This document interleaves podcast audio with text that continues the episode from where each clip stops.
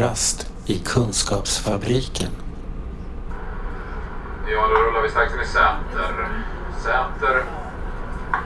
Och avstigning kommer att ske på höger sida i tågets färdriktning. Välkomna till kafferast i Kunskapsfabriken. Och eh, jag har idag åkt till Säter. Eh, till rättspsykiatrin i Säter. Och jag sitter här med Camilla Sömsk Mm, och Madeleine Laxgård. Jaha. Och Madeleine, du är sjuksköterska. Ja, jobbar på avdelning 34 här på Mm. Säter. Och Camilla, du är verksamhetsutvecklare, eller vad kallas det för? Eh, Jag har två eh, tjänster. Jag är enhetschef för behandlingsteamet som Ja. liksom servar avdelningarna på 50 procent och sen 50 procent är jag verksamhetsutvecklare för hela Hela... kliniken. Då. Ja, just det. Mm. Och det är väl snarast därför jag är här. Ja. tror jag. ja, men, jo, men precis. För ni har börjat jobba med en, en metod som heter IMR som vi ska prata lite om. Mm. Ehm, och vad står IMR för? Illness Management and Recovery. Så är det. Och det är en metod som från början har tagits fram för att arbeta med psykospatienter, eller hur? Det är ju Socialstyrelsen rekommenderar i sina riktlinjer Ah, ja. för Mm. eh, schizofreni, patienter med schizofreni och schizofreniliknande tillstånd. Mm. Eh, sen har man väl använt den här metoden också för personer med ångest och depression. Ah, ja. Mm. Eh, så att den har liksom varit tillämpbar för Mm. andra grupper också. Men rekommendationen är för patienter med schizofreni. För det som kan skilja det är ju att det i metoden ingår vad ska jag säga, utbildning i, i diagnosen och sådana där saker. Och då blir ju det olika sorters kunskaper beroende på vilken diagnos man har. Ja, precis. Mm. Eh, är det någon av er som lite kort vill berätta vad den går ut på? Ehm, man eh, sitter ner i grupp med ett antal patienter som då ska vara med. Eh, och så har man, jag vet inte vad man ska, manual Mm. kan man väl kalla materialet för. Som man går igenom och det är sammanlagt tio kapitel. Och det första kapitlet, då börjar man med att sätta upp ett mål. Mm. eh, som var och en gör. Ja, för sig själv. För sig Mm. själv ja. Eh, och som man sen har med sig under resans gång liksom. Och knyter ihop med Mm. målet. Och så handlar kapitlen om lite olika saker. Läkemedel, stress, sårbarhet, återfall, bygga Missbruk. socialt nätverk, missbruk. Ett kapitel gjorde vi också om att vårdas inom rättspsykiatrin. Därför att Ja, vi, just det. Det är en särskild kontext med det. Ja, Mm. Mm. vi förstod väl ganska snart när de gjorde det här materialet att modifiera lite grann att vi behövde. För det är en sån sak som man ändå kommer att ta upp och prata Mm. om. Och då måste det Mm. finnas utrymme till det. Just det. Själva kontexten här är ju annorlunda eftersom man är dömd till, till vård. Ja, Mm. exakt. Mm. Vad var er tanke när ni bestämde att ni skulle börja jobba med det här IMR? Eh, Dels har det ju varit fokus på rättspsykiatrin genom Bergvallkommissionen. Sture Bergvall, som tidigare hette Thomas Quick, vårdades under lång tid på Säters rättspsykiatriska klinik. Under behandlingen började han erkänna en rad mord som skett på olika platser, både i Sverige och utomlands. Han dömdes för åtta av dem, men efter några år tog han tillbaka sina erkännanden och fler och fler började ifrågasätta rimligheten i hans tidigare berättelser. Bergvall fick efter det resning i samtliga mål och friades. 2013 tillsatte regeringen en utredning för att gå igenom hur det hela varit möjligt. Bergvallkommissionen, som utredningen kallades, menade i sin analys att det både var brister i rättssystemet och i rättspsykiatrins behandlingar som gjort skandalen möjlig. Eh, och där, där har det väl varit genom, på flera olika kliniker att man börjar titta på vård och behandlingsinnehållet. Hur Mm. ser det ut? Eh, vad har vi för sorts vård? SKL, Sveriges kommuner och landsting, gjorde också en genomlysning och tittade utifrån nationella riktlinjer. Vad använder man sig av för metoder? Så det väckte ju också liksom frågor kring att okej, okay, hur jobbar vi här i Säter? Vad gör vi ute på avdelningarna som avser vård och behandlingsinnehåll? Mm. Sen var det ju en psykolog och forskare som heter Fredrik Folke som har implementerat IMR i öppenvårdspsykiatrin här i i Dalarna på en. Ja, ja. Mm. Så, så, det var väl den diskussionen som kom då att skulle vi ha det på rättspsykiatrin. Mm. Så han var ju en del. Det var ju därför att dels det vart beslut från verksamhetschefen att nu skulle man införa den här metoden. Men att vi, liksom Fredrik då skulle forska kring metoden inom rättspsykiatrin. Det var därför det. det vart ett forskningsprojekt också. Mm. Just det. Så det var Hur länge har ni hållit på nu? Eh, utbildningen startade igång i oktober i fjol och vi drog igång grupp då och sista gruppen var, om jag inte missminner mig, så gjorde ni avslut runt 20 april. Ja. Så, och när du säger utbildning, är det utbildning av personal också då? Ja. I att leda? Exakt, ja, i materialet mm. och att, att hålla grupp. För det är klart det. att det här är ju för många vårdpersonal ovant. Mm. Man är inte van att man håller i grupp och det kanske är så att vård och behandling är man van att det är andra utanför då, psykolog och kuratorer och De andra professioner. Och, ja, och medicin såklart. Det är liksom inom rättspsykiatrin eller inom psykiatrin överlag är ju medicin en stor del av mm. vård och behandling. Men vi behöver också jobba med de andra mm. delarna. Precis, för att i de här inventeringarna som SKL med flera har mm. gjort då om vårdinnehållet mm. så kan man ju ana att det är väldigt mycket tid som patienterna har där det inte händer något. Ja, mm. så är det ju. Och, och, det här skulle, är ju då en typ av åtgärd som skulle kunna ändra det. Ja. Att säga, fylla dagarna med någonting Precis. mer i kombination med andra saker utifrån mm. patienternas behov. Så att egentligen är ju IMR är ju en del men vi håller på med andra saker för vi behöver fylla de här dagarna mm. som patienten har med, med, varför är man här och vilka behov har man och vilka insatser och åtgärder ska vi eh, tillhandahålla för patienten utifrån den, den sjukdom man har. Ja, just det. Mm. Så. Och Madeleine då, du som har jobbat med det. Mm. Hur tänkte du när du hörde talas om det här? Um, alltså jag har ju jobbat i Uppsala tidigare. Jag har ju inte mm. jobbat här så... Jag kom i september förra mm. året. Uh, så jag har använt det lite i Uppsala. Jaha, ja. så du var lite bekant med det? Precis, mm. och, men då använde jag det individuellt på mm. en av de patienter där. Um, men att göra det i grupp blir ju något helt annat ja, verkligen. För då, då måste man ju ta hänsyn till en del andra parametrar. Alla ska få liksom utrymme. Um, ja. Och plus att en vits med grupp är att också patienterna själva interagerar. Mm, alltså man, mm, hör, man mm, hör och får mm. impulser av varandra som mm. liksom mm. ger nya tankar och, och sådär.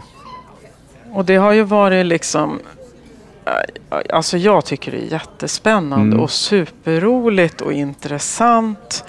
Och sen har det ju varit svårt också. Mm. Liksom. Mm. Men sen har man ju, liksom, man har ju fått lära känna liksom, och sett saker hos patienterna som jag liksom inte ser annars. För här... Mm. Nej, det, jag menar det är den där manualen man mm. går utifrån och då kommer man ju in på frågor som liksom inte dyker upp på avdelningen på det sättet.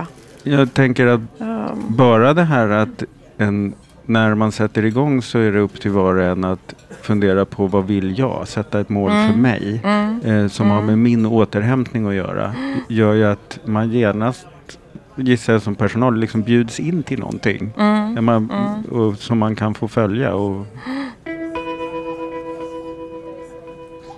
Vad är det folk har satt för mål? Uh, alltså eftersom det är rättspsykiatri, mm. ett överbryggande mål, det är ju att komma härifrån. Just det. Ja. Mm. Uh, uh, Sen kommer jag ihåg en person som har varit med om väldigt svåra saker. Mm. Han hade ett mål att hjälpa andra personer som har Ah. varit med om samma sak. Mm. Och då kändes det som att hans lidande kan liksom få en mening också. Hur många är det i en grupp som du jobbar med då? Fyra till sex kanske. Ja, Mm. ja. Och är det så då också att på de, den avdelning där du är, där, är, där har alla psykossjukdom? Eller, Nej, det, nej. det varierar också, men Ja, det har det funkat varierar. ändå att man Mm. ingår i gruppen. Så att säga. Mm. Mm. Jag tänker ju på en som Ja, som egentligen inte, han är ju rätt tyst på avdelningen. Men så har han ändå pratat en del i gruppen. Men han har varit väldigt noga med att vara med. Han har Mm. liksom suttit där med sin mapp och, och verkligen ska vara med. Och även om han i ord inte har varit så översvallande alla gånger så har han varit med. Och så tänker jag så här, ja men det måste ju betyda någonting. Mm. Det kanske inte bara är ett tecken på att man normalt sett har väldigt lite att göra om dagarna utan Mm. det är någonting i det där som Mm. drar. Mm. Mm. Blir det i gruppen bra samtal mellan patienterna? Eller liksom händer det något extra där just att de är i grupp? Ja, ja. Det har nog både blivit det och ibland har det inte blivit Mm. det när någon har tagit för stor plats i gruppen. Men då är det ju vi som har problemet. Mm. Vi behöver liksom jobba lite mer med det. Och ibland så kan ju någon patient ha gått in och liksom varit lite undervisande. Eh, och det tycker jag är ju lite häftigt. Delar Eh, med sig av... Ja, av, av sin erfarenhet. Det. Eh, och, och då blir man, du vet, man blir på lite mer samma liksom, linje Mm. då. På lika villkor i gruppen, känner jag.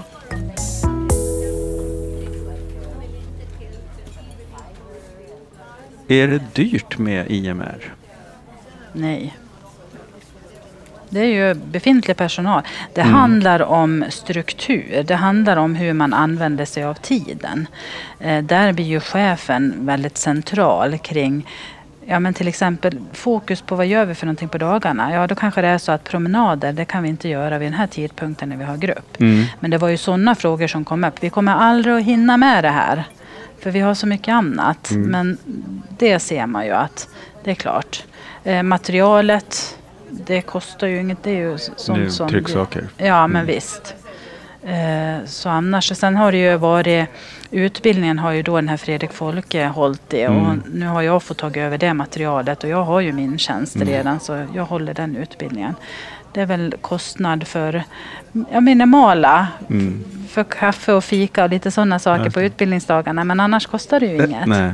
Så Det det handlar mer om att liksom börja pröva att göra annorlunda. Liksom. Exakt, Det, det. det är precis så. Och det är ju, jag ska inte säga att det är en kostnad, men det är ju ändå en tröskel. Alltså, Absolut. Det var ju inte så självklart liksom hurra rop att oj oj oj nu blir det någonting som vi kan ha utan det var det här på tal om, om förändringar att det Mm. var klart att det var väl både eh, från personalgruppen och patientgruppen att vad är det här, det är något främmande Mhm. och liksom Mm. okej vad ska vi göra för någonting? Nej jag vill hellre ut och göra något annat roligt. mm.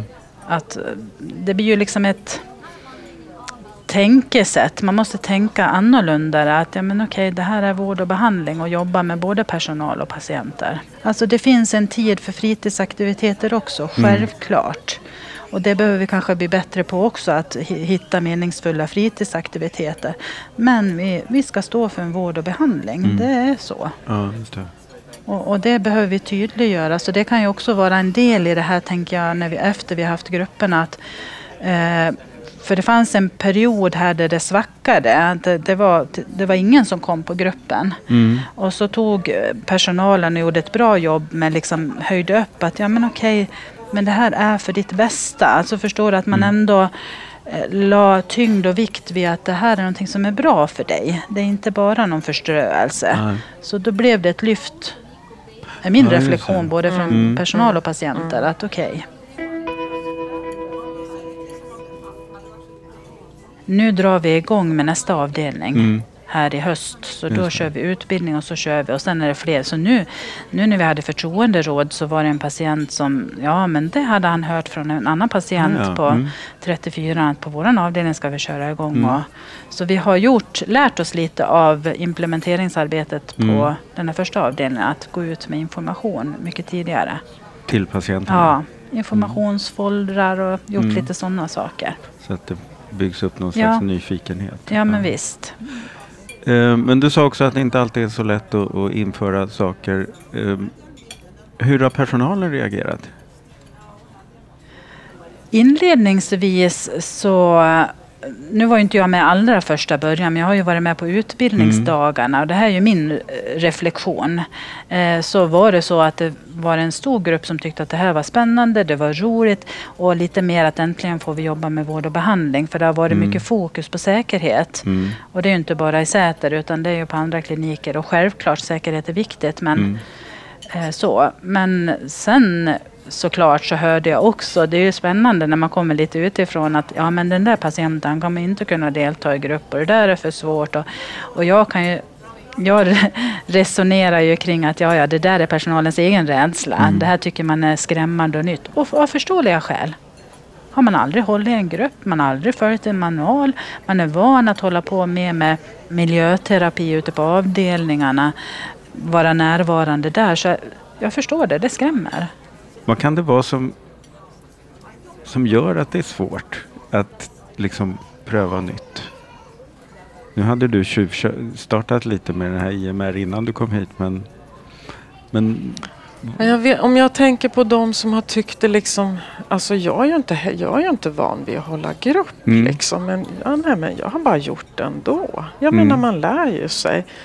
Men jag menar en del av mina arbetskamrater som har jobbat jättelänge och de kan ju massor. Och jag har sagt det, nej men det är ju bara att göra det du gör annars och prata mm, och läsa till. är det det som är läskigt? Ja, kanske det. Kanske att det. man ändå då måste, då är det upp till mig att göra det. Ja. Ja, just det. Man går ju liksom, alltså man går ju, alltså Mm. jag tycker ju att det är så häftigt med de där grupperna Mm. liksom. Jag blir ju bara glad. Mm. Ehm, man går miste om det. Mm.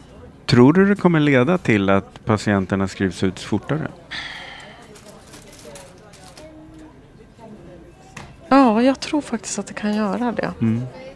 Ehm, Det är ju omöjligt för er att se än så länge Ja. förstås. Men, eh, Man kan så ett frö vet du, mm. hos någon. Så tror jag att det är.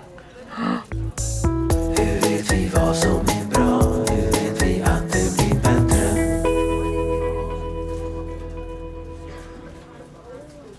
Vad har ni fått in för resultat hittills då? Nu har ni ju som sagt inte hunnit hålla på så länge men Nej, och, och forskningen är ju liksom inte klar och, och sammanställd. Det, det som... eh, Det var två studenter här som gjorde en liten uppsats kring Mm. utvärdering. Eh, och där framkommer det ju från eh, några patienter då som tycker att det här har varit meningsfullt och man tycker liksom att det här har varit stöd och hjälp i i fortsatta vården, att liksom lära sig mer eller kanske fortsätta sen. Att det liksom väcker mer nyfikenhet, att jag behöver kanske mer grotta ner mig i min sjukdom, vad är varningstecken och lite sånt.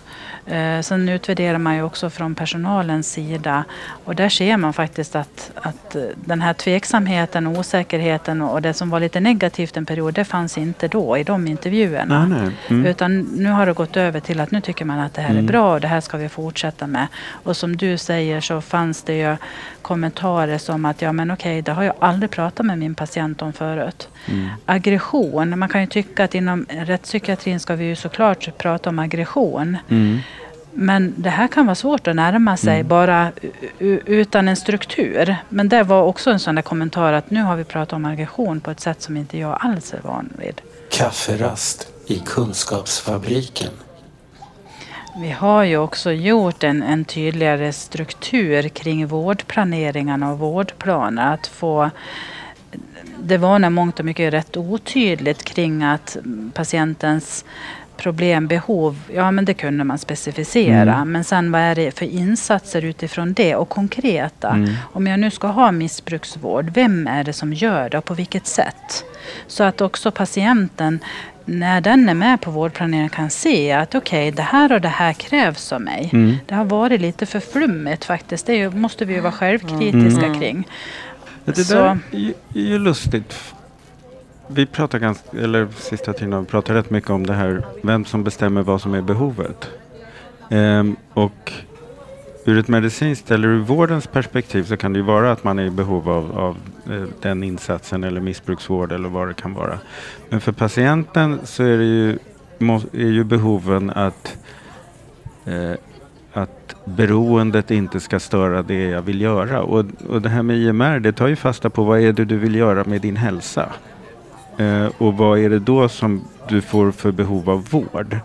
Liksom man kan ju lätt förledas att tro att det som är de medicinska behoven är personens behov. Det är ju egentligen vårdens behov eh, för att kunna hjälpa patienten. Eh, det där är ganska spännande faktiskt. Och det. IMR är ju en, möjligen ändå en metod att närma sig faktiskt de riktiga målen och behoven. Att säga. Mm, Och, att, verkligen. och att man också gör en överenskommelse om att okej, om det där är dina behov och dina Mm. mål, då kan vi hjälpa till med det här. Och då får jag som läkare kanske ett behov av att sätta en diagnos eller att ta, göra en mätning eller göra en utredning kring någonting. Men det är mina behov för att kunna stödja dig. Mm. Ja. Det där är intressant.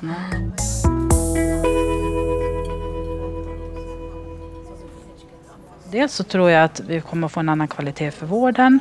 Eh, Jag tror att eh, personalen i grund och botten kommer att tycka att det blir mer stimulerande och och roligt att jobba. Mm. Därför att jag tänker som, som förr i världen så hette det ju kvällvakt inom rättspsykiatrin. Ja, vakt ja. Ja. Inte skötare Nej, eller... Utan nu, nu säger vi ju C-tur i alla fall. men ja, en, en del säger fortfarande så. Men det är ju på något vis att, att tänker, vi måste bort från det där. Vi är inte vakter och vi är Mm. inte städerskor. Mm. Vi är inte vaktmästare. Vi är vårdpersonal. Mm. Ge oss lite cred för det.